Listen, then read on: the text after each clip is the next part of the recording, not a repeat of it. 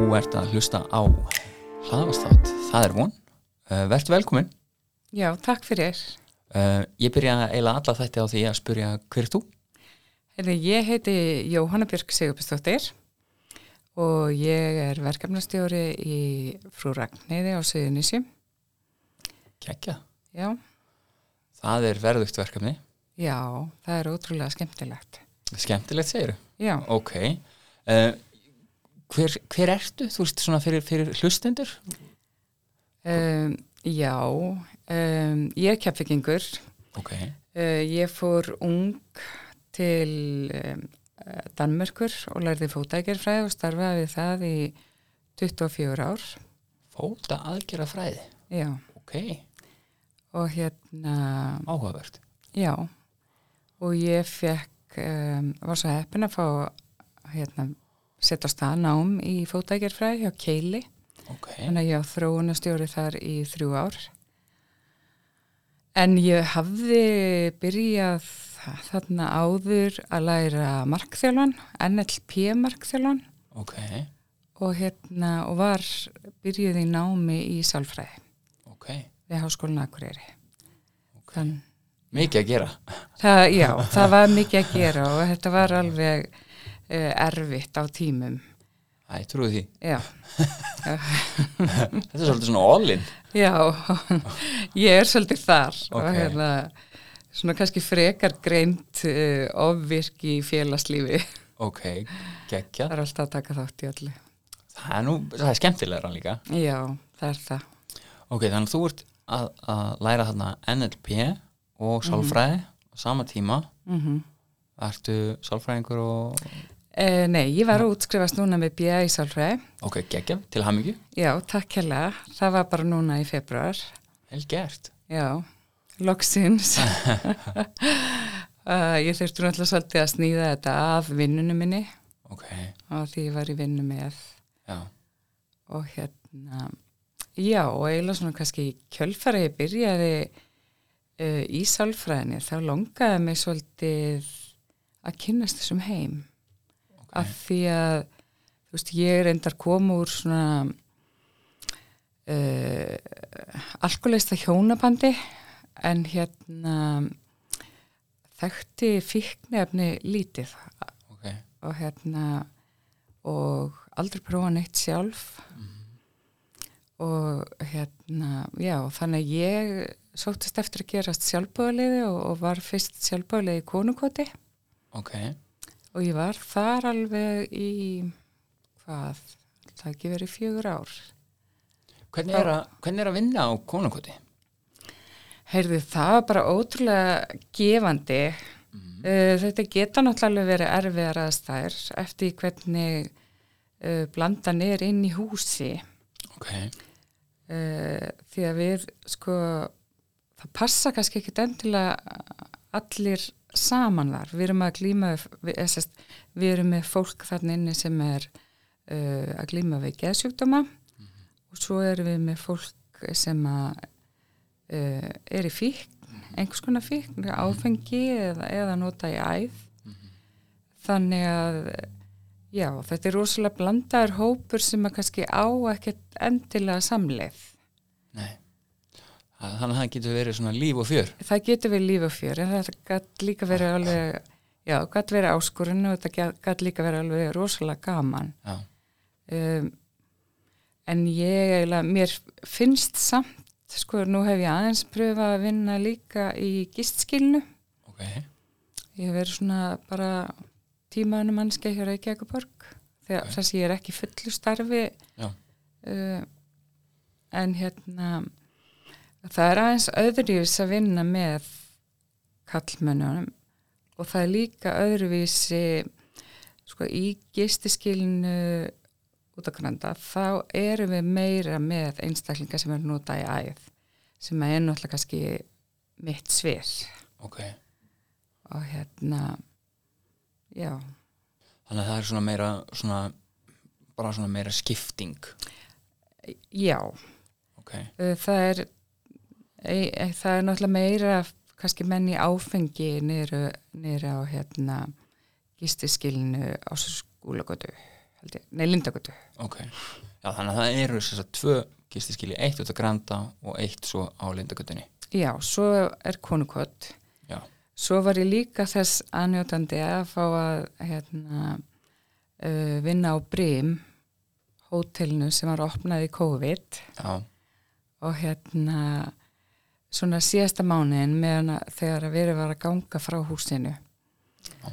Og en það var eiginlega samt svolítið svona sorglegt út af því að uh, þarna voru marga konur sem ég hafi kynst í konunghutti já, uh, sem að uh, var bara þú veist, það er svo allt annað þegar að fólk er ekki á ekki heima á götunni og er ekki með uh, er að hafa ágjur uh, öllu þessu litla sem það er kannski með í bakboka eða en þegar við erum með sitt herbyggi uh, það geta læst að sér og verið með sína hluti óáreita. Mhm, þú veist, í konukoti og gistskilunum eru náttúrulega fjóru og fimm að deila herbyggi, það getur alveg verið erfitt.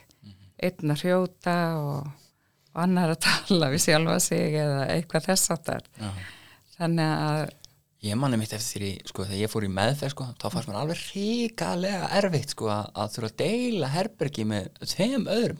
já, Er þetta raunin bara hjá þeim alltaf?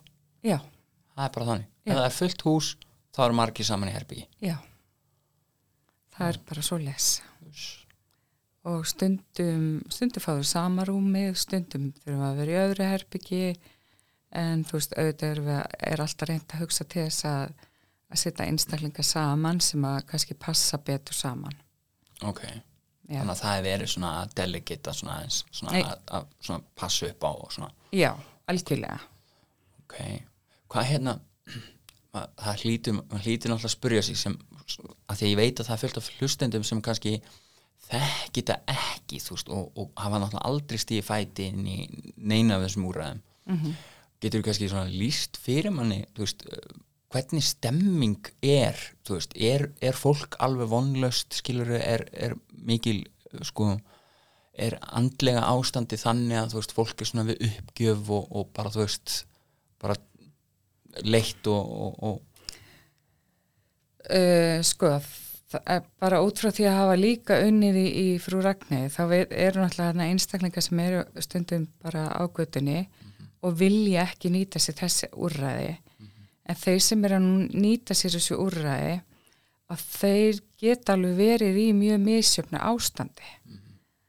Og já það er bara, þú veist, það fyrir náttúrulega líka eftir hvaða aðgang þeir hafa að efnum. Og oft er náttúrulega mánuðurinn, þegar fyrir að líða mánuðin oft mu- mun erfiðara. Þannig að maður er búin að sjá margt að fá, er, er- er fólk í þessum neyðarúræðum, er það að fá mat? já, já, Það er kvöldmatur. já það, það er færi morgumat áður en það fer út í, hérna Ok.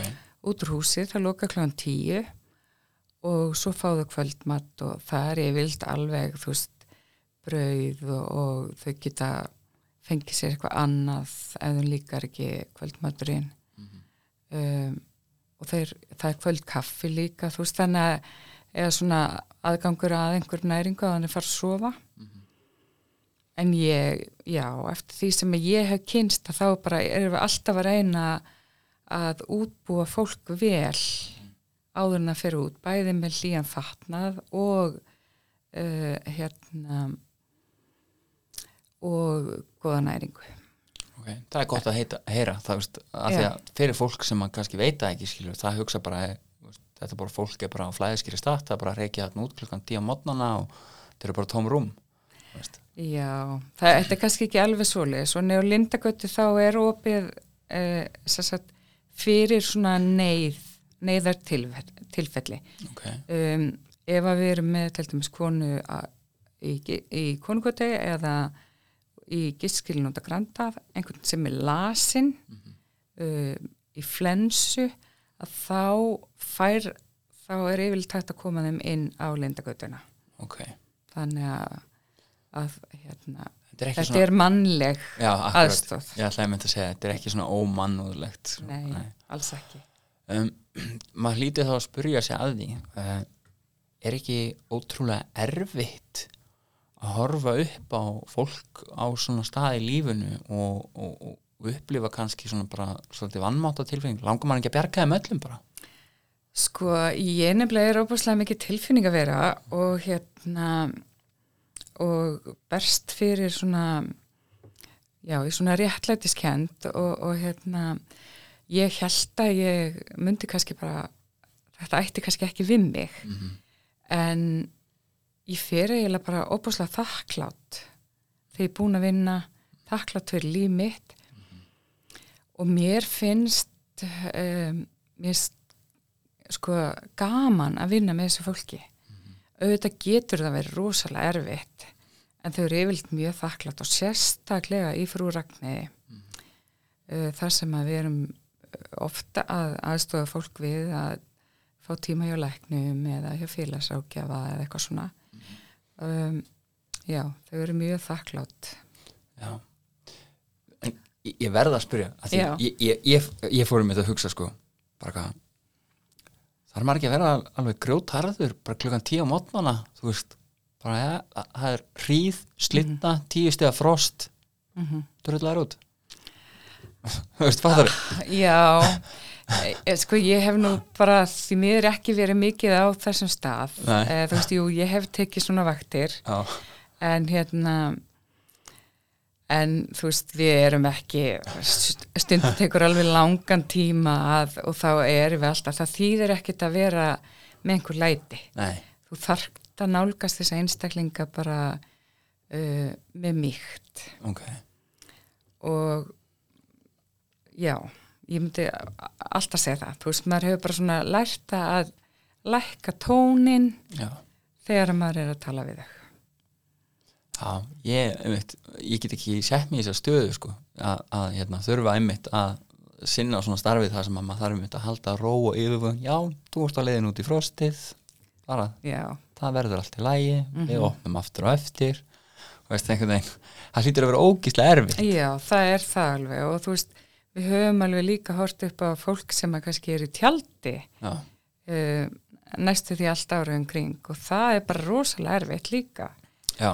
Að hérna vita einhverjum úti eða eða sofa í einhverju skúmaskoti eða Já, að hérna Ég, ég nefnilega með eina sögur sem koma mjög eftir Já, með varðan okay. þetta en, en það sem ég langar að spyrja það ok, mm. þú ferði í sálfræði, ferði þennan áhuga fyrir þessum hóp mm -hmm og þú fer þá í beinu framhaldi að vinna þess að svona sjálfbúðarlega vinnu mm -hmm. ok og hvað er, hvað er langt þánga til þú ferði í frú Ragnhiði sem bara svona, svona uh, ég man nú ekki alveg. Það eru það eru trúlega þrjú ár.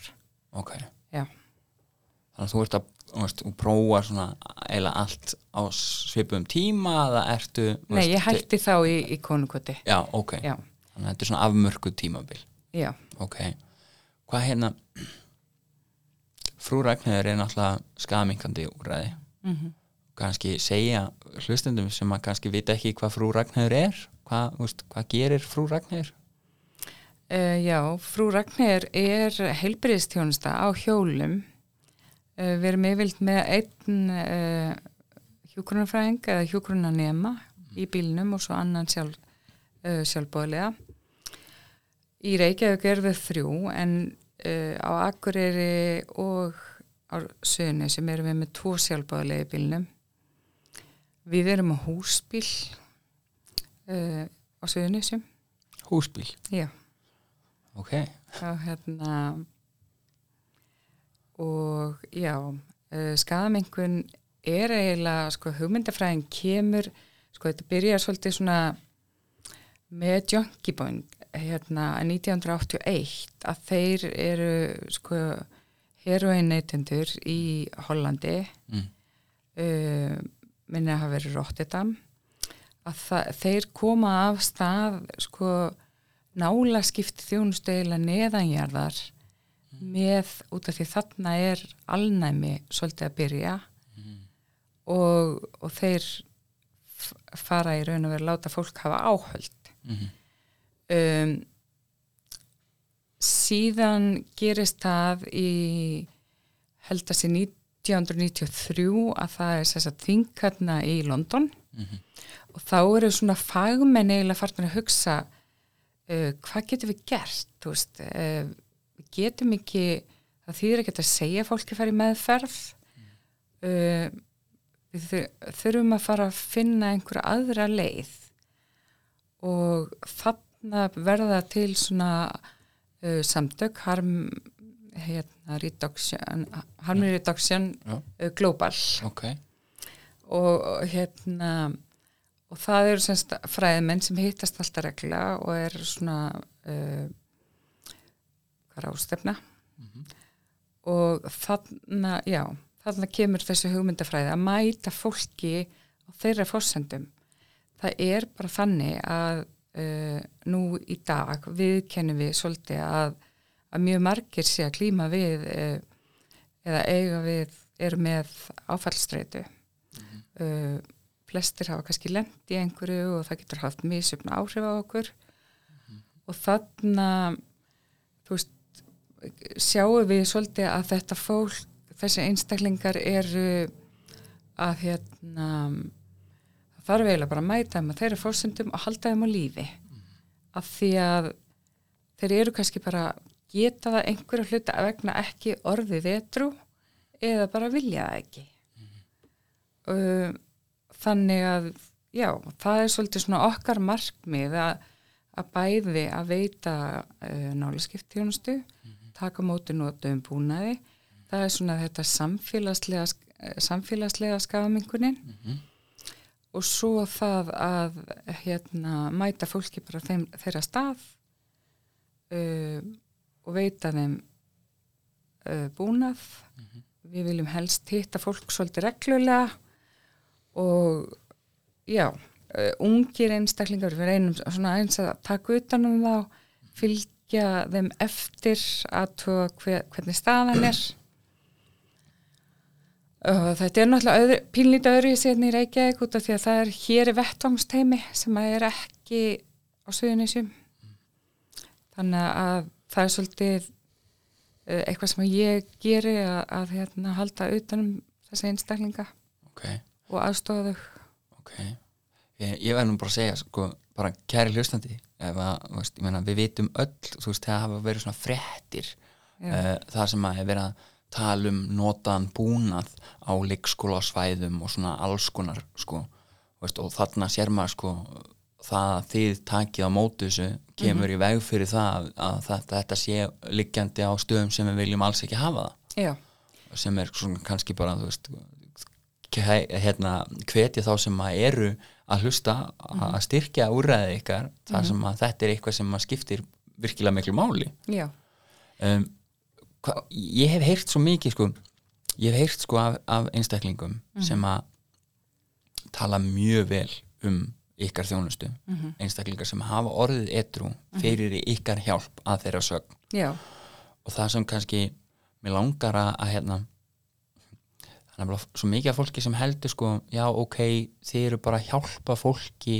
að halda áfram að nota. Já, þetta er svona eitt, einn af þeim frösum sem að um, náttúrulega, og ég hef alveg gerst segur um það og þú veist, áður en ég kynnti mér skaðaminkandi hugmyndafræði að þá var ég pínu svona, herðu þið eru bara þeim skilur, þú veist, dótið til þess að halda áfram skilur, og, og hérna þannig kannski, mér langar að spurja um, þið eru samt líka að hjálpa fólki að tengjast aftur inn í samfélagin já, þið eru svona hálkir brú í raun og veru frá þessum jaðarsetta hóp sem er ekki að nýta sér heilbriðstjónustu og er ekki að nýta sér laurugluna er jafnvel ekki að treysta okkar samfélagslegu kerfum til að taka utan um þeirra vanda. Já, en það treystir ykkur já. Og það, það er hérna um, svolítið, sko það var einstaklingu sem leitaði til mín í vor og ég aðstöði við að hann var sest, vildi verða edru og það sest, og er edru uh, hann hafði ekki verið til í kerfinu í tíu ár. Hann var ekki þyk, þykja neinar félagslega bætur. Hann var ekki á örorku uh, þarna eru náttúrulega einstaklingar sem þurfa þá að vinna uh, á einhvern annan hátt um, ólöglega. Þannig að uh, kannski flestir þurfa að gera því að það því að fólk sem er í dagneislu er náttúrulega að nota uh, það er dýrt. Mm -hmm. uh, en hérna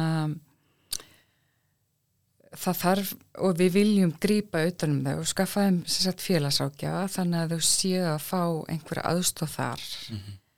uh, og svo náttúrulega bara sumir sem við sjáum að geta ekki orðið eitthrú og, og hérna og eru bara kannski veikari að þeir, þá eru við að reyna að koma þeim í gegnum örorku.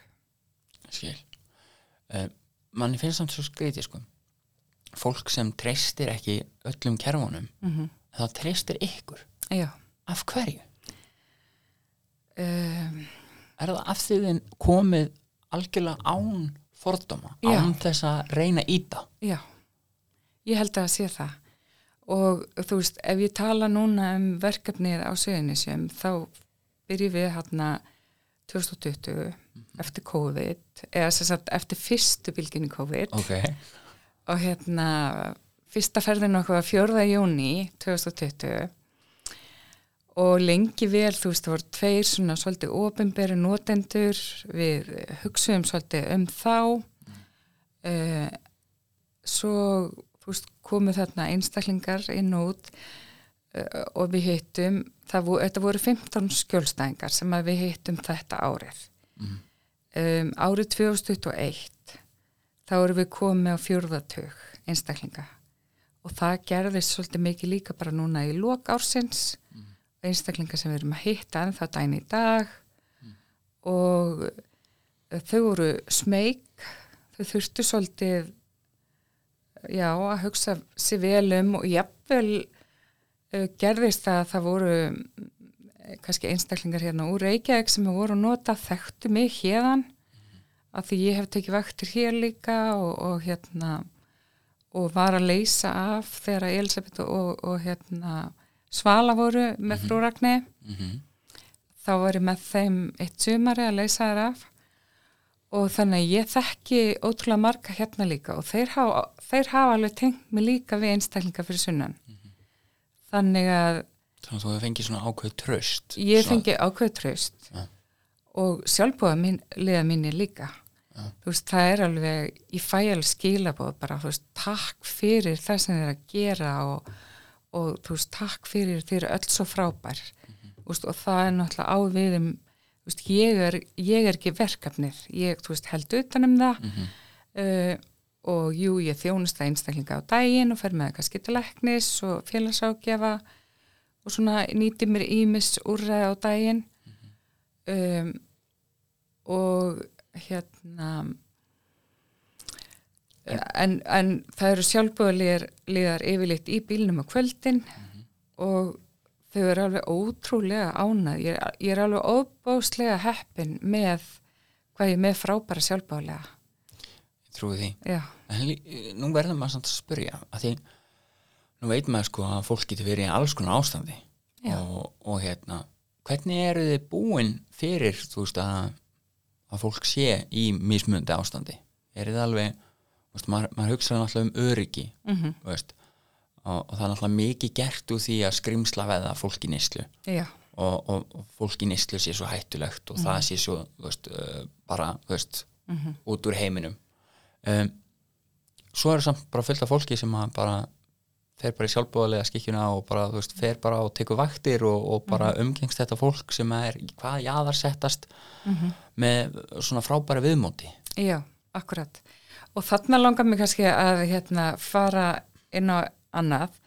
Að hérna uh, ég var í farsóttarhúsunum líka og var uh, hérna í, með, vann líka við úrmeðslisókvir í gistskilnu þannig ég er búin að koma að mjög mörgum hliðum uh, að þessum einstaklingum. Og eh, þegar að, hérna, gistiskilið fór í sókvið í, í fyrra að hitti fyrra um hausti 2020 að þá var verið að skrifa eitt og annað í blöðin. En ég veist að ég bara tók þarna vaktir og þetta var, þeir voru bara svo ánaðir og, og auðvitað þarf líka að finna úrræði. Þú getur ekki bara, bara tekið einstakling sem er að götunni og hendunum inn í herbyggi og hann á að vera þar í tvær vikur eða eina viku í sókvi þú veist, þú verður að finna einhverju laust og þarna var það gert. Um, þannig að þú veist, þeir fengu alveg sín efni og, og þú veist, fengu að nota inn í inn á hótelinu Mhm. uh, Var það erfitt? Nei, Var erfitt að veist, sannfæra fólk um að, að, að það þyrst að gera það? uh, ég kom ekki að því Nei, uh, það er alveg bara, þú veist, við erum náttúrulega bara með frábæra hjúkunumfræðinga og, og lækni sem að voru í þeirri vinnu ok, og hérna afíkningeðdild og, og Já. þú veist, þannig að samstarfi var alveg og þau voru alveg með okkur þarna inn á vöktum.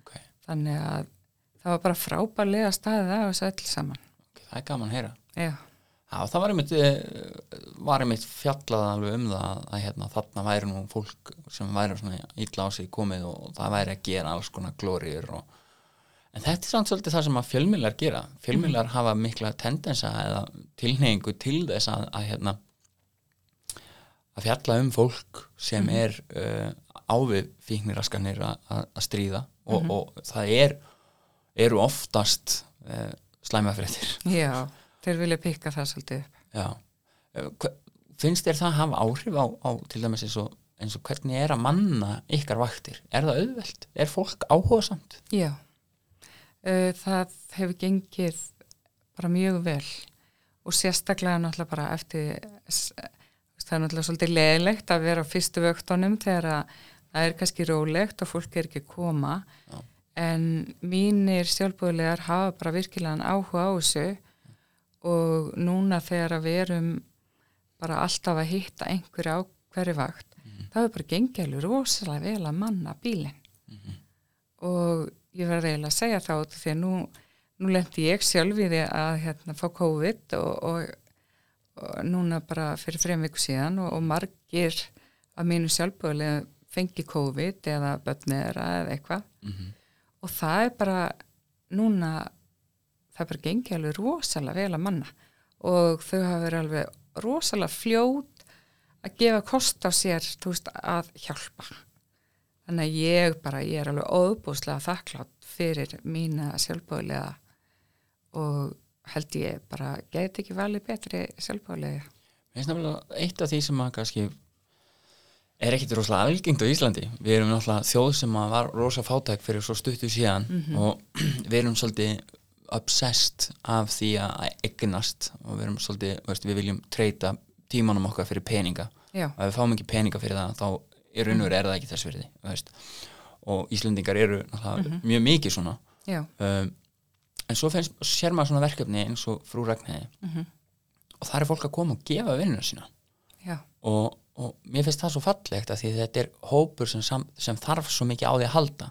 Já, akkurat. Og, og mér langar svona að spyrja finnur þið fyrir um, áhuga sest, breytingu veist, eh, þú er náttúrulega búin að vera í þessu í nokkur ár. Mm finnur að það er aukin áhugi í dag fyrir þessum hóp?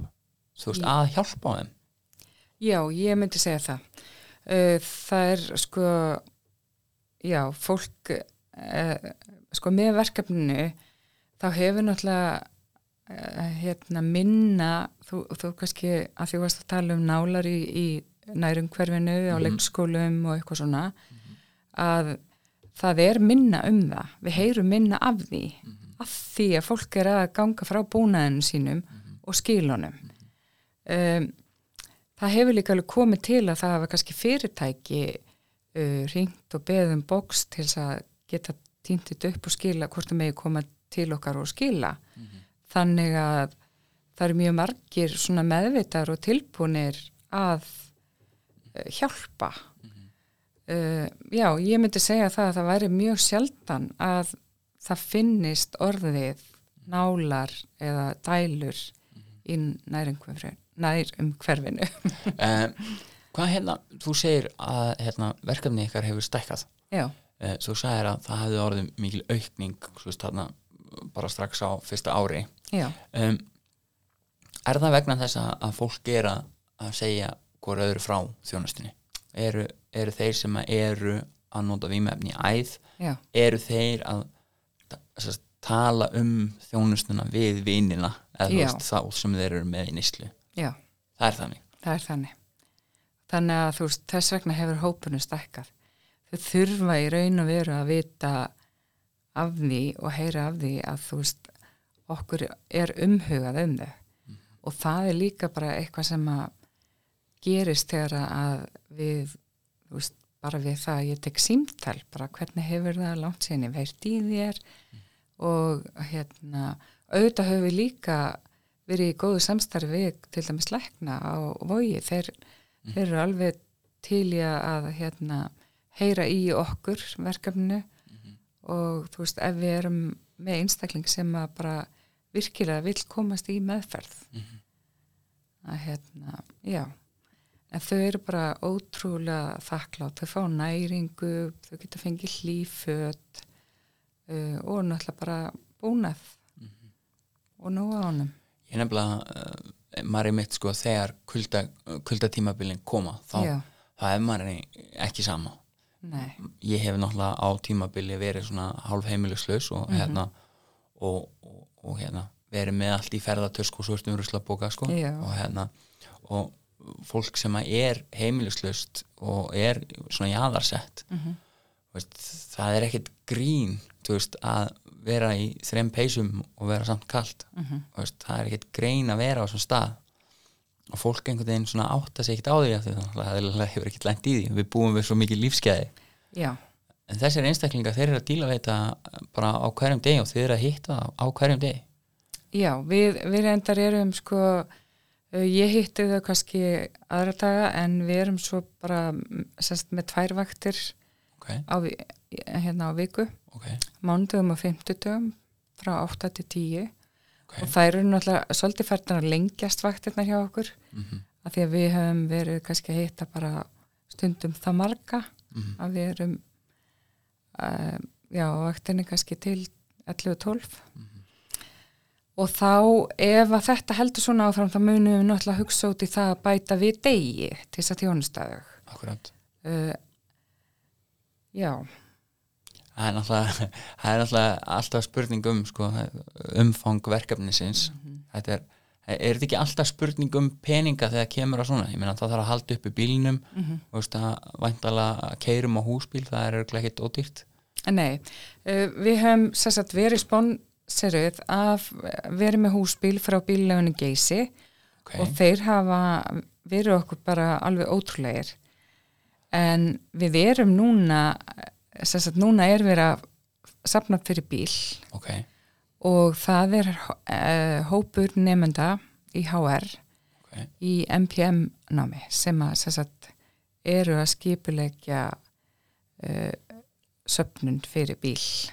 Vel gert háringar Já, ég er í lögfræði HR og það. Já. er mjög stoltur að því þegar skólinn er að gera eitthvað gegja já, akkurat. Uh, já, það er og hvað hérna, þú veist uh, þegar þú talar um bíl, hvað kostar bíl? hvað, þarf þetta ekki að vera sér útbúið og eitthvað svona?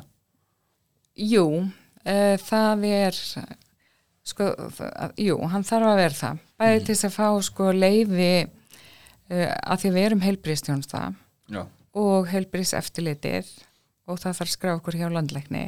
Ok, uh, það er náttúrulega nýlegt að við fáum styrk frá landlækni núna eða heilbrýðsraðanitun réttar sagt. Ok, uh, í eitt ár er Ok. búið samtækjaðan ok. Þannig að við erum svona á ágættu stað, þú veist, við fáum náttúrulega bara brota af þessu, svo, veist, Reykjavík náttúrulega bara stæðsta hlutin og svo nú er hérna Norðurland eða Akureyri, sem er náttúrulega bara eðlilegt. Um, ég, já, ég vona, eh, þú veist, samband sveitafélag á suðinu sem hefur líka styrt okkur.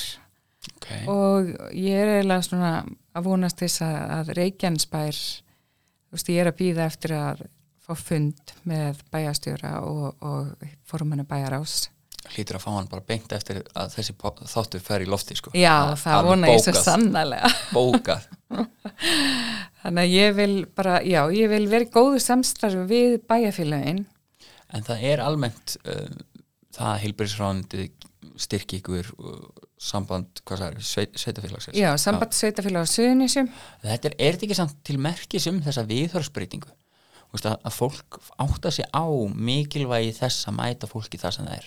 Jú, og það er bara, uh, þú veist, nú erum við með, hérna, ég ringi, að ef það er einhver með síkingu, þá ringi ég á bráða, hérna, eða slísó eins og við kallum það, mm -hmm. svona bráðamótkuna.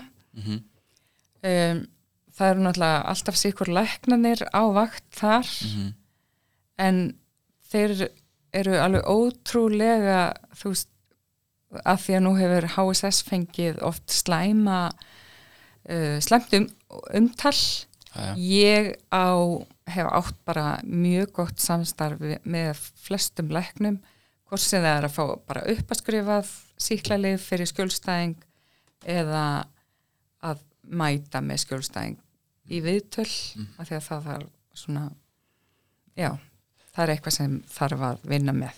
Kannski uh, til þess að fólk átti sig á get, getur farið í gegnum ferlið veist, segjum sér svo ég, er einstaklingu sem nota vímöfni í æð. Mm ég bý á Suðunisjum og Já. ég er uh, bara, veist, ég er bara greinilega með mikið búnað sem ég þarf að losa mig við og, og hérna og, og með vanda nýjan og, og eitthvað. Mhm. hvernig er uh, ferlið þú veist, ég meina ringi í ykkur eins og panta pítsu eða þú veist, hvernig, þú veist? Já, þetta er svona næstu í þannig. Heyrði, sko það er, við erum með síma. Ok, og hérna hann e, þegar bílinn er ekki ferðinni þá er ég með síman ok. Þannig að ég, það er hægt að ringja áður en bílinn er að ferðinni og þá bara heyri ég í þeim. Uh, ég vil náttúrulega bara ekki, helst veist, frekar heyri fólki á þriðdegi eða miðgudegi eða þeim vantar búnað. Mhm. að því að þú veist, við erum ekki á þessum stað sem að við vorum fyrir samt ekkert svo mörgum áru síðan að það var verið að- þrýfa búnaðin og láta þau hafa hann aftur ok, um, sem var náttúrulega áðurna frú Ragnæði byrjar. Er svona já. það sem var fyrst í konukoti til dæmis. Uh, núna viljum við bara gefa fólki nóg að búna þið. Við náttúrulega setjum samt þak hvað það getur fengið mikið. ok, Uh, það er nú bara til þess að allir gangi að sömu þjónustinni akkurat og eitt fá ekki meir en hinn. Uh, það er líka til þess að við veist, hittum kannski fólk oftar og getum uh, fylgst með hvaðan einstaklingur er stattur. ok, Uh, við höfum svona haft hérna viðmiðið að fólk getur fengið 100 dælur mhm, og 200 nálar út af því að nálarnar skemmast í raun og veru við fyrstu stungu inn í húð. Mhm, og við viljum að fólk skiptum nálar við tökum þetta samtalin í bílnum. Mhm. Um, ok, ég ringi ykkur Mhm. þið eru á ferðinni. Já, þið komið þar sem ég er eða þar ég að koma einhvert annað nei, ef við erum á ferðinni já, þá kemur bílinn bara á þann stað sem þú óskar eftir. Ok, og þú kemur inn í bílinn þú veist, það ber ekkert mikið á þessu. Uh, þetta er ekki ykkur rísa húsbíl þannig að við séum bara alveg bara það er ekki blikandi rauðmer, það er ekki ljós. blikandi ljós bara maður í, í skadamingun maður í skadamingun Já. ok, og við höfum átt gott samstarf með lögreglunni, hún hefur bara látið frú Ragnhildi vera. Ok. Svona horfið fram hjá því. Þeir eru bara komnir uh, myndi ég segja aðeins á þann stað. Ok, um, já, þú kemur inn við eigum við þig samtal. Uh, við spyrjum náttúrulega bara aðeins út í að hvernig líður þér hlínur í dag? Þú veist, hvað segir gott? Hvernig hefur það og þú bara kannski er bara ómulur eða bara um, við þú veist, ef við skinnjum að þú sett jafnvel komin í sjálfsveikshættu mhm, uh, þá fyrir við svolítið í að meta það ok.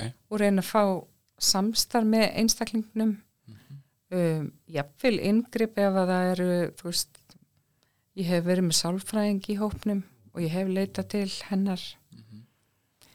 Og um, já og þá er náttúrulega bara þú veist kannski að reyna að fá einstaklingi til hvort hann sé tilbúin til þess að fara í viðtalinna og gönguteld ok, og komunum þá bara í það ferli sem að hann er tilbúin til. Hann verður náttúrulega alltaf að samþykja Mhm. Þú Já, já. gerum aldrei neitt nema með samþykki. Nei, eru þið að þið er náttúrulega væntalega skemið aðeins eftir, eftir síkingum og svo leiðis líka Já, í leiðinni? já, ég, bara, þú veist, að því að ég hef oft spáðið þessi, ég er náttúrulega ekki nýtt mér þessa þjónustu Mhm. og ég hef ekki uh, hérna, þurft á því að halda mm sem betur fyrr eða þú veist, ég veit það ekki eða eitthvað, en ég fór alltaf ekki að þetta spáði sko, eru einstaklingarnir að nota inn í bílnum?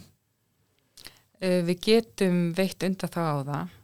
Það er undan þá, já, ok við verðum náttúrulega líka alltaf forgangsraða þegar við erum að ferðinni Mhm.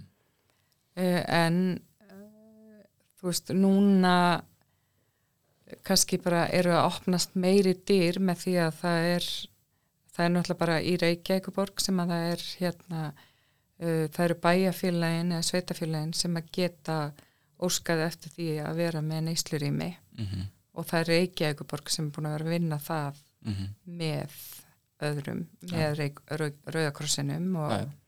Ég vissi nefnilega af því sko, Já. það var svona pælingin sko, Já. af því það er búið að samþykja uh, lögjöf um að það megi sækjum rekstralefi fyrir neyslurími já, og þá fór maður svona líka spáið sko, þú veist, hvar veist, hvar stendur frú Ragnheiður sko, að því þið náttúrulega er að taka mótur einstaklingum, þið eru færanleg Mhm. þú veist, og þá fór maður spáið sko, veist, er fólk að nota veist, í bílnum eða ekki, veist, að að veist, þetta myndi alveg svona þannig sem make a sense. Mm og við erum með þú veist, ég meina við erum með nálabóks allstar bara inn í Rauðakrosshúsi og, og hérna uh, við vitum að fólk notar það sem það er statt en það er ekki allir sem vilja kannski endilega gera á klósti. Nei, nei. um, það var fengið lögfræðilegt álit á því að mega nota inn í bíl og veita undan þá uh, þá þurfum við náttúrulega alltaf að meta einstaklingin er hann í frákvörum er hann á þannig stað að, að það er, getur verið hættulegt fyrir hann að nota einhver staðar úti Já. við vitum náttúrulega að æðan að draga sig saman út í kvöldunum Já, já. og þá er náttúrulega bara meiri eh, möguleikar á að það verði kannski blóð Mhm.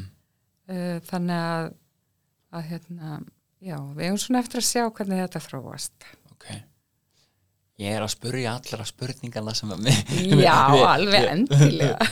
en þetta er þetta er nefnilega sko fyndið, þetta er svo maður, sko, að því hugmyndafræðin er edrumótilið í dag þá viljum við að allir séu edru og ég sem alkoholist í bati eða einstaklingur sem hefur þróð með þessi fíkniröskun eða hvað sem fólk kallar þetta Mhm. að þá er ég náttúrulega rosalega fylgjandi því að fólk gerir eins og ég Fattarðu, já. Mhm. þú veist, og maður hefur þess að tilhengu að ætla að kasta sínu eigin upp á aðra Mhm. Já. en það virkar kannski ekki bara fyrir það nei, það er akkurat það sem ég var að tala um, Já. sko, þegar að, að þessi alþjóða samtökur uh, hérna stopnið, þú veist, þá er þetta félagsákjaður og þetta er, þú veist, bara fólkur öllum svona fagmenn víða, Mhm. þú veist, og það er bara hvað veist, hvað getum við gert bara til þess að halda fólki á lífi og draga úr sem mestu skada mm um, ég myndi vilja segja að það væri líka að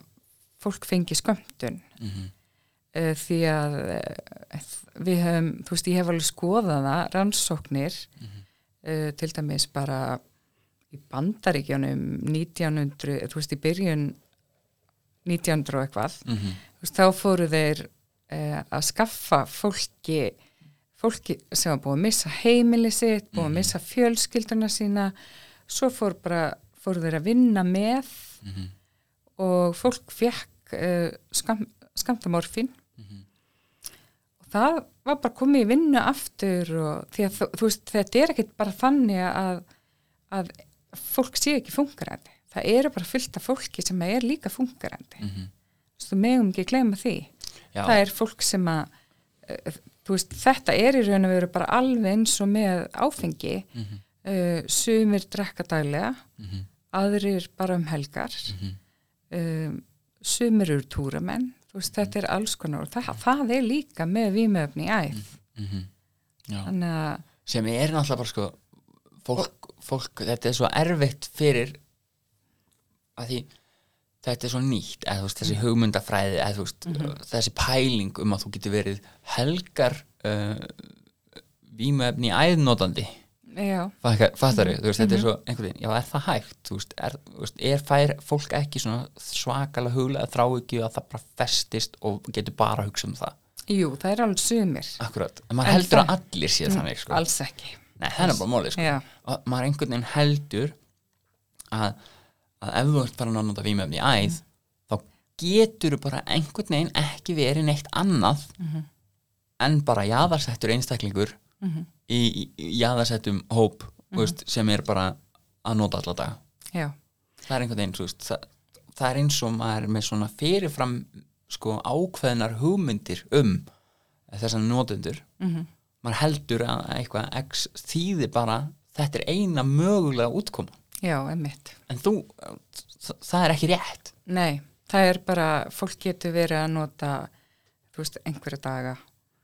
Um, og á, þú veist, hvort sem það er í æð eða á einhvern annan hátt, það getur bara verið spari eða ef maður getur sagt spari, já, já. þú veist, bara svona á og til. Og það er úr öllum stjættum þjófélagsins. Mm Það er ekki bara þessir einstaklingar sem eru heimilslausir. nei, nei.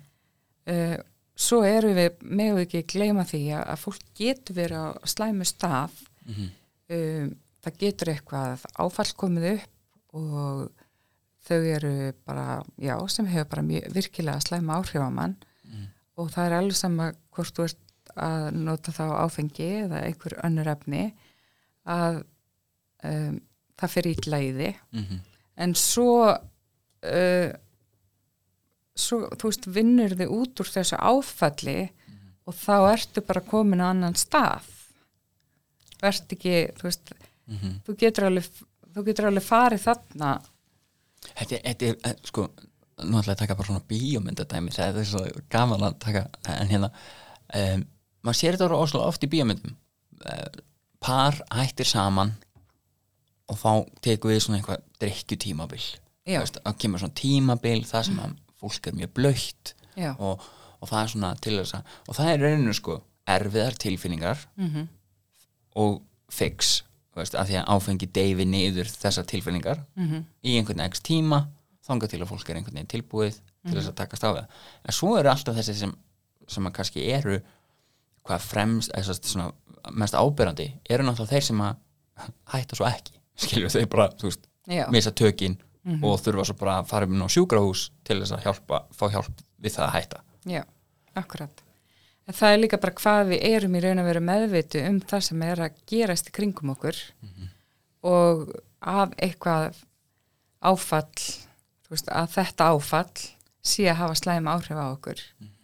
ef, þú, ef maður náttúrulega bara er ekki opinn fyrir því og þú veist, þá náttúrulega getur maður ekkert átta, eða átta maður sig ekkert á því hvað uh, hvað þetta áfall eða já, hvernig það, hvaða áhrif það er að hafa á mann. Þannig að ég meina öll höfum við gengið gegnum einhvers konar áfell algjörlega. Og upplifun er náttúrulega bara misjöfn alveg eins og þegar við fyrum í bíó og Já. horfum á sömu myndina. Algjörlega. Og við upplifum hana mjög ólíkan hátt. Já, það er bara, já, hvað hérna?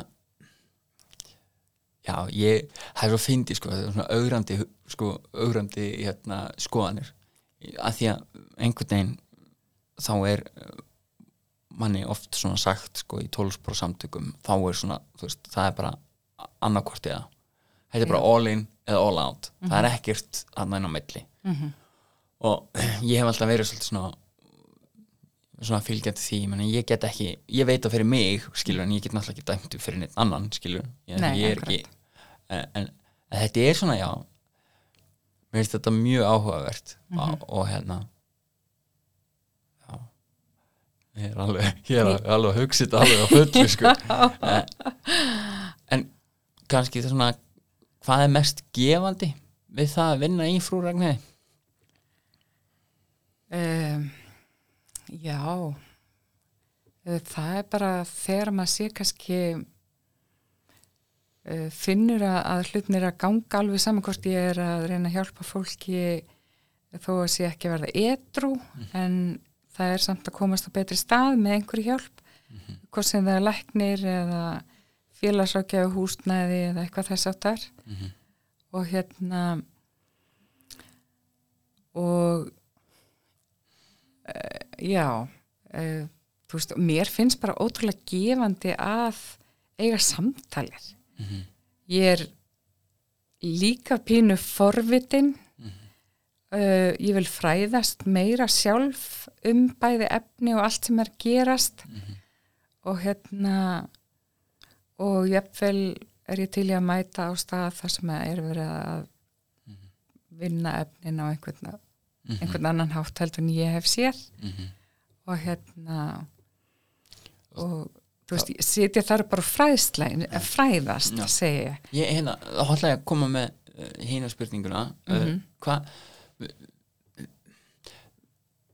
eru þið aldrei úst, að fara inn í aðstæðar þar sem að þið eru bara svona ok þú veist kannski þarf ég bara að senda mömmu og pappa skilabóð og bara, ég elska ykkur eða þú veist, fjölskyldur eða eitthvað, er, eru þið aldrei að fara inn í svona aðstæðar sem eru bara svona eins og í bíómynd, Nei uh, ég myndi ekki segja það. Nei, að hérna, jú, jú, þú veist auðvitað kemur inn í aðstæðar þar sem að, þú veist, það er mikil óreiða eða þú veist og fólk er bara í mjög kátísku ástandi og svoleiðis. Mhm. en þá reynir maður náttúrulega líka bara að stoppa stutt. En, já, en hérna já, ég er kannski bara ótrúlega kærlös eða ég veit ekki. Ég hef bara eða tristir eða tristir já. Það er kannski það er svona kannski begge plans að hérna að ég vil treysta þeim Já. og ég vil uh, og ég er kannski bara ég vil ekki trúa því að- þau gerir mér eitthvað. Nei, til langar að sjá manneskinu á bakvið ástandið. Já. Og þú veist ég veit það alveg og mörg þeirra hafa alveg verið uh, þú veist ég hef alveg fengið bara hjálp skilabóð mm og þú veist þegar fólk er kannski virkilegu geðrofi og, -hmm. og hérna og ég er alveg með einstakling sem hefur alveg bara verið þú veist sagt mér, ég fer í geðrof ég verð ógstlega klikkuð Mhm. þú veist þetta bara hérna uh, ég get tekið upp hnífa þú veist bara er búin að láta mig vita í raun og veru hvernig hún getur orðið Mhm. þú veist þannig að já, það, þá veit maður líka bara ok, þú veist, ef ég finn í þær aðstæður þá þarf ég líka kannski bara að fara mjög valega og þú veist, ég hef alveg gert það líka þegar ef ég hef farið inn í aðstæður þú veist, það er, það er náttúrulega bara mjög erfitt að hjálpa einhverjum einstakling sem er í geðrofi og sér það ekki og vill ekki þú veist, Geðróf er ástand sem að kannski fólk þekkir ekki. Uh, uh, getur þú líst í veist, hvernig það er að hitta mannenski í geðrófi hvernig já, skýrum að það Já, þú veist, e, þau eru náttúrulega bara heyra rattir, eru vissum að þú veist, einhver sé að brjótast inn hjá þeim, það sé einhver búin að koma og stela, það veri ásaka nágrannana, þú veist, það er svona bara alls konar hugmyndir. Og mjög oft þessar rattir og, og bara veist, loka sér að vilja inn í herbyggja og læsa að því að halda að það sé bara fullt af fólki að brjótast inn hér Já. þannig að já, líklega ekki mjög skemmtilegt ástand. Nei, það er það alls ekki. En hérna en svona maður, já ég hef farið inn í þetta ásta, svona ástand og bara reynd að tala við manneskuna og hérna náður það sambandi Uh, nei, ekki miklu. En þú veist, svo þetta stóði yfir í nokkra daga Já. og ég náði alveg sambandi inn á milli. Akkurat, svona inn og út. Já, Já. og svo í raun að veru þegar að- geðrofið er svona mestu yfirstæði þá gáttu við rætta að þetta var ekki að gerast. Mm -hmm. mm þurfi ekkert að vera hrætt við nágranna, þau voru bara ekkert að gera neitt það er, það er svolítið fyndið sko. Ég hef orðið vitnað að nokkrum geðrófum og mér fannst alltaf eins og sko það væri verið sko það er svona eins og það hefði einhver dreigið fyrir tenginguna við sko uh, persónuleikan, þú veist, það er bara svona það er eins og augunur opinn Mhm. en það er einhvern veginn engin heima. Já, það er bara, og þú sérð í augunum á fólki þegar í geðrófi að það er ekki á sama stað og þú veist, það, það er eins og það bara já, það er bara eins og það sé e, já komið í einhvern annan veruleika. já, Mhm. það er rosa sérstakt. Já, og hérna já, en ég verð nú bara að taka ofan fyrir þér. Mér þykir, sko ástæðan fyrir einmitt að ég vildi fá þig í þáttin er einmitt vegna þess að mér finnst einhvern veginn ekki veist, ég veit að fólk sem að vinnur þessa vinnu er ekki gerað fyrir kredit skilur, þú veist, nei þannig er fólk að vinna bara vegna þess að það vil hjálpa Mhm. og, og, og sér nöðsynna og sér þörfina og bara sér þennan hóp og það er rosalega fáir sem vilja eiga það er Já. rosalega fáir sem vilja eiga þennan hóp og það er Já. alltaf bara að þetta er félagslegt þetta er Mhm. heilbreyðis, þetta er félagslegt og þetta, ja, þetta stanslega rifrildi, nei Mhm. þetta er dómskerfið skilur þú veist, það, það er einhvern veginn enginn sem vill um, einhvern veginn bara taka utan um þennan hóp og bara segja, herðu við elskum ykkur. Bara, og, og mér finnst það kannski svona það sem frú Ragnhjóður stendur einhvern veginn alltaf svo mikið fyrir, það er bara svona, þú veist, við elskum ykkur þeir eru manneskjur Mhm. uh, og okkur er í raun og veru bara alveg sama um hvaða ástand þið ætlaði að velja ykkur. Við ætlum bara samt að vera til staða fyrir ykkur. Já, og mér finnst það svo mikilvægt að fólk átti sig á því. Þetta, sko að því að það er svo mikið vantraust á kerfin flest allir sem eru jaðarsettir hafa lent í einhvers konar átökum við lauruglu, við heilbrið starfsfólk við eitthvað fólk, skilur innan kerfana við félagsfræðingin sinn eða við féló eða einhvern átti átökum allstar og tröstið gagvart þessum kerfum er ekki neitt. Og, en samt virðist sko frú Ragnhjöður vera svona það úrræði sem þessi hópur uh, treystir. Já, og, og það tröst er svo sko svo rosalega mikilvægt í því að brúa þetta fólk einhvern veginn bera það tilbaka inn í kerfið Já. A- a- að því að því, því að þeim sem kærleika og, og ef það eru einhverjir sem passa sig í ofinberi umræðu hvernig orðu velja þá er það skadaminguna sinnar Já. Það- bara ekki segja orðið fíkill veist, það er Já. bara fólk með fíknivanda, fíkniraskanir eða eitthvað, þetta er fólk fólk sem nota já, vímefni Vímöfni, já, já, já. Og, og það er svona og þetta er svo mannúðlegt veist, það, er, það er alltaf verið að fókusera á að hætta þessu demonizing eða mm. svona skrimsla væðingu fólks með fíknivanda. Já, og það er bara, þú veist, um, ef þú fær til dæmis krabbamegin, þá ert þú ekki krabbameinir. akkurat. Og það er sama með uh, einstaklingi sem notar vímöfni, mm hann er ekki fíknefnið. nei, nei, Heldur akkurat er hann einstaklingur sem notar vímöfni og auðvitað hefur það áhrif á hann. Alveg eins og uh, krabbmeinsmeðferð eða eitthvað þess aftar hefur áhrif á einstaklingin. akkurat Þannig einstakling. að, Þannig að veist, þetta eru þau eiga alveg rétt á mannréttindum alveg svo allir aðrir. akkurat og það er brúið þið svona þýður þið einhvern veginn um, úrræði sem byggir tröstið sem svo vonandi leiðir það inn að byrja að treysta öðrum stopnunum Já, og, og ég veit nokkrar sem sagt, svona sögur það sem að einstaklingur not, fær, sem sagt, uh, fær aðstóð ykkar Mhm. og er svo nú búin að vera etru í, í nokkur ár. Já, og hann segir bara, bara þá frú Ragnhauð sem bjargaði mér. Já. og hann bjóði tjaldi. Mm og, veist, og, og maður var náttúrulega veist, já ég glimti náttúrulega bara að fara út í það.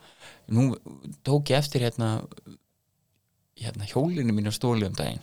Já, og ég býð hérna rétt hjá öskjuhlíðinni í skóginum þar. Mhm. og það var uh, Bjartmar hjólakvíslari hann uh, bendi mér á að ég geti nú farið og, og skoðað í skógin já, og ég eitthvað skoðað í skógin þú veist hvað, ertu eitthvað hann eitthvað já. Hann er bara hann er bara stundum sem að menn reyðra um sig í öskjuliðinni í skóginum Mm og ég eitthvað, hvað þetta er nú bara eitthvað bíómynd sko. mm Mhm. það er enginn eitthvað sem býr bara í tíu stega frosti hérna bara í öskjuliða sko. Já, herðu, svo fer ég og leita heldur ég ra rambi ekki inn á bara eiginlega bara, bara lítið tjald og, og, og, og þá er hann bara búin að hengja upp á þvottasnúru bara og hann er með fötin hangandi og, og ég er bara ha? Og þetta er kannski svona eh, vandi sem að eiginlega enginn sér nema fólk sem bara óvart lappar framhjá þessu og svo þið. Já, akkurat. Er mikið af fólki sem að býr bara við svona aðstæður Veist, er, er þetta veist, um, ég hef ekki upplifað það á Nei. en það er í Reykjavík mm og hérna já, fólk sem hefur ekki vilja fara inn í atkverfin en stundum leitaðu kannski til þess að fá næringu Mm. uh, ég get ekki svara fyrir það. þetta er bara eitthvað svona prinsipmál og kannski líka það að að deila herbyggi og sofa með mörgum öðrum. Mm, þetta er vantraust. já, þetta er vantraust og eitthvað svona legs Já, það er vinn, þau eru náttúrulega að stela frá hvort öðru og svona, þú veist, það Mhm. kemur fyrir og, og hérna þannig að þau þurfa náttúrulega að, að framfæra sér. Mm um, og nota þá ýmsar aðferðir, -hmm. hvort sem að það er uh, að að veita kynlífstjónustu eða, Mhm. eða stela eða og ég held að sko bæði afglæpaveðing neysluskamta og uh, það að uh, hérna læknar séu til í samstarf út af því að ein, það eru sumir sem hafa fengið sam, hérna, skömmtun og þá eru þau að fara bara í apotekki á hverjum degi Já. og maður sér alveg munin. Mhm. þetta er bara sama og ég var að segja þeir um veist, söguna þarna í bandaríkjum akkurat. Uh, og það er veist, þetta hefur gæst líka í Kanada, það er alltaf verið að rokka fram og tilbaka. Uh, það er verið að heldur að afglæpaðingin, stoppum bara aðeins þar afglæpaðingin, já, hún ein og sér mm breytir því að varsla efna í neysluskömmtum sem er rosalega mikið debate um hvernig á að skilgreina það eins og Mhm. Já. það sé mesta vandamáli í öllum heiminum. Já, um, en það er verið að sem sagt, segja varsla á þessum litlum skömmtum sem eru til eigin nota verði ekki lengur refsiverð. Já. Í dag er refsingin sakaskrá Mhm. og sektir samkvæmt því sem ég best veit. Já. um, svo sapna sömur upp brotum já, og þurfa að fara. s- þurfa svo að fara inn, akkurat. Um, en það sem breytist kannski hvað einna helst við afglæpavæðingunni er kannski viðhorf fagaðala Mhm. að því ef þetta er ekki lengur bannað já, heldur að myndi minka fordómana?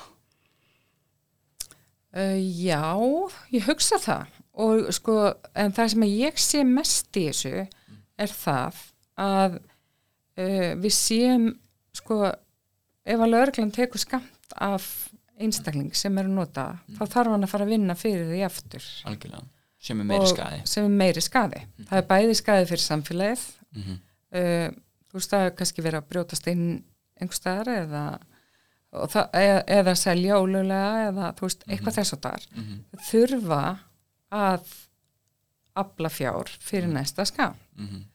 þannig að það eitt og sér er náttúrulega bara uh, já, verður kannski þannig að fólk sér þetta á annan hátt. Svo með við ekki gleyma því við erum með, hérna, með full fangelsi. Mhm. þú veist, af einhverjum einstaklingum sem er að nota vímöfni og eru með smáklæpi uh, hafa kannski sapnað upp akkurat það, það að vera að taka það vímöfni Mhm.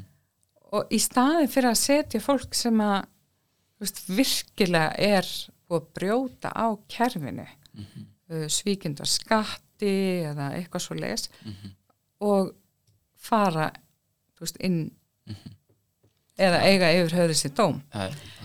Að hérna eh, sko, og það er, ég alveg tekið þessi samtöl og ég hef alveg sagt, þú veist við, þú veist, hefur þú ekki unni svarta vinnu?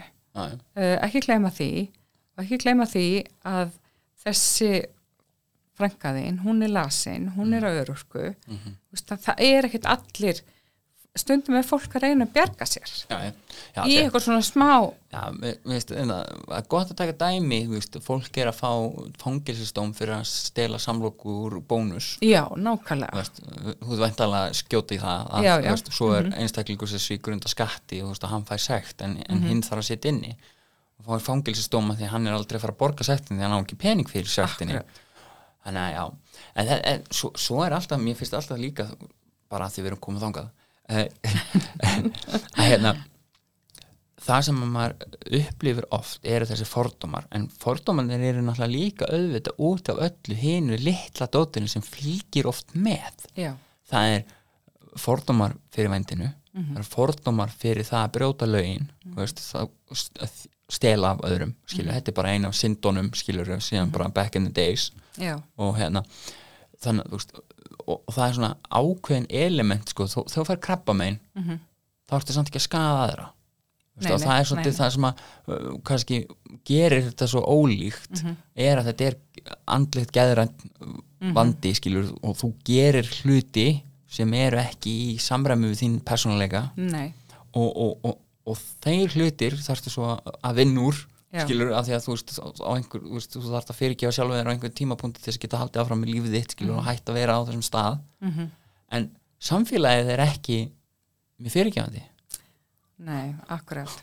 En já, en sko fordómar eru náttúrulega líka oft vannþekking akkurat uh, og ég hef alveg, þú veist, nú hef ég haldið nokkur erindi og, og hérna og ég finn alveg, þú veist, það eru einstaklingar sem eru bara mjög þystir í fráleikin og svo eru aðrir sem eru alveg bara, veist, vilja bara setja hettun yfir hausinn. Af því að, þú veist, eru bara með einhverja fordóma og eru ekki tilbúin og veist, eða vilja bara ekki ræða þetta. Finnst þetta bara að vera þannig að þú veist, þú vil ekki vita af þessu það er kannski það. En eina samlíkingin svo það sé haft hérna komið fram varandi krabbamenn er náttúrulega bara þegar við erum að afmennska fólk já, já, sem að algjörlega, notar vímöfni algjörlega, Þú veist, ég er bara að tala um það í því, því tilfelli. Algjörlega. en ég var, var líka bara að meina skilur það er náttúrulega bara krabba minna öll önnur veikindi sem að eru ekki andlega geðræn þar ertu í raun og veru bara að díla við það einhvern veginn innan við Já. og jú, jú, eflaust fólk sem er að díla við alveglega veikindi tekur út skapgera brestir sína Mhm. og, og vanlíðan út á fólki skilur þú veist, ég er ekkert að segja að það fólk sé fullkomið en, en, en aftur á móti þú veist þetta er svona sérstakt að því leiti að fíkni vandi Mhm. er sérstaklega að því leiti því það leiðir fólk mjög oft út í glæpsamlegt aðtæfi og, og, og fordómanir eru maður spyr sig sko þú veist, ætlið, þú veist, þetta sé svona allt samofið að því að siðferðislega Mhm. siðferðislega er rámt að brjóta lögin. Já, það er það. Og, og okkur finnst það öðruvís að vinna svart mm heldur en að, stela samlóku Já, en samt er en samt bæði glæpur, Já. skilur mm en, en við einhvern veginn siðferðislega þá finnst okkur einhvern veginn svona já ok, þú ert að stela. Já, en hvað ertu annað en að í, í svartri vinnu að stela þú ert að stela skattinum skilur, Mhm. það er það sem þú gera. Já, já, algjörlega. En maður ma pælir í þessu, þetta er skemmtilegt. Já, þetta er skemmtileg pæling og, og, þú veist, og það er bara við verð, eh, ég held það að, að það sé oftar verið að stinga akkurat einstaklingunum einn sem er eh, tekin með vímefni já, og tekin fyrir að stela samlöku í bónus. Akkurat. Uh, ég- mér langar að segja sko, þú veist, mér er svo frábært þegar að hérna, það kemur eitt sjálfbúðliði á vakti mín og, og hérna, ég sé hún er ekki á sínu bíl og ég sé hvað, varst að fá nýjan bíl? Nei, það var brotist inn í bíli minn í hérna, bílagemsli Reykjavík og stóli fartölunni og gútsikleir á honum ég sé, æ, en leðilegt nei, ég ætla að vona bara að sé einhver sem að þetta kemur sér vel fyrir. Þetta sé einhver okkar skjólstæðingur sem geta nota þetta. Ég er tryggð. Þú veist þú, mér varst þetta svo frábært viðhorf já, að hérna þú veist maður er að reyna uh, horfa þannig á hlutina líka sjálfur. Að einstaklingur er sko þú veist börn eru að stela af því að það er svona einhver spenna, já, en, en þessir einstaklingar er að stela því hann er óksla svangur. Hann fær ekki mat. Já. E eða efni. Eða efni. Já. en þa þannig kemur inn. Mér langar að- slúta kannski þættinum með svona smá svona pælingu. Skömmtun. Já, búin að nefna það tvisar Mhm. heldur þú að ef við myndum skamta okkar jaðarsettasta fólki að ákveðnum veist, hóp af þessum jaðarsetta hópi sem við getum skamtað Mhm. heldur að myndi minka aðra glæpi. Já. Ég held það. Að þú veist fórnarkostnærin er þeir sá að við erum í raun og veru orðin eh, ríkið, mm stjórnvöld eru orðin einstaklingur sem lætur efnið í té. Mhm. en á móti kemur veist, að á glæpir myndu minka já, mjög líklega að það er mjög líklegt. Já. og þú veist ég hef náttúrulega bara lesið margar ansóknir og, og við getum hort til bara hérna Kanada, við getum hort til uh, hérna uh, Portugal. Þeir eru náttúrulega búin að vera með uh, í nokkuð mörg ár. Og þú veist það hefur þar sem að er verið að vinna meira með þessum einstaklingum Mhm. þar bara er staðan önnur. Hún er bara, hún er betri. Það er bara þannig. Ætlum við að skilja hlustindur eftir bara með þessa pælingu mm veist, hvort sé betra að borga að skattbeiningurinn fari í það að redda þessum efnum og láta fá að hafa drastlið sitt í friði mm -hmm. skilur, eða, eða að fólk sé stanslist að lendi að, að það sé að vera að stela og græja og gera og, og hvort er betra? Það er, þetta er góð spurning. Já.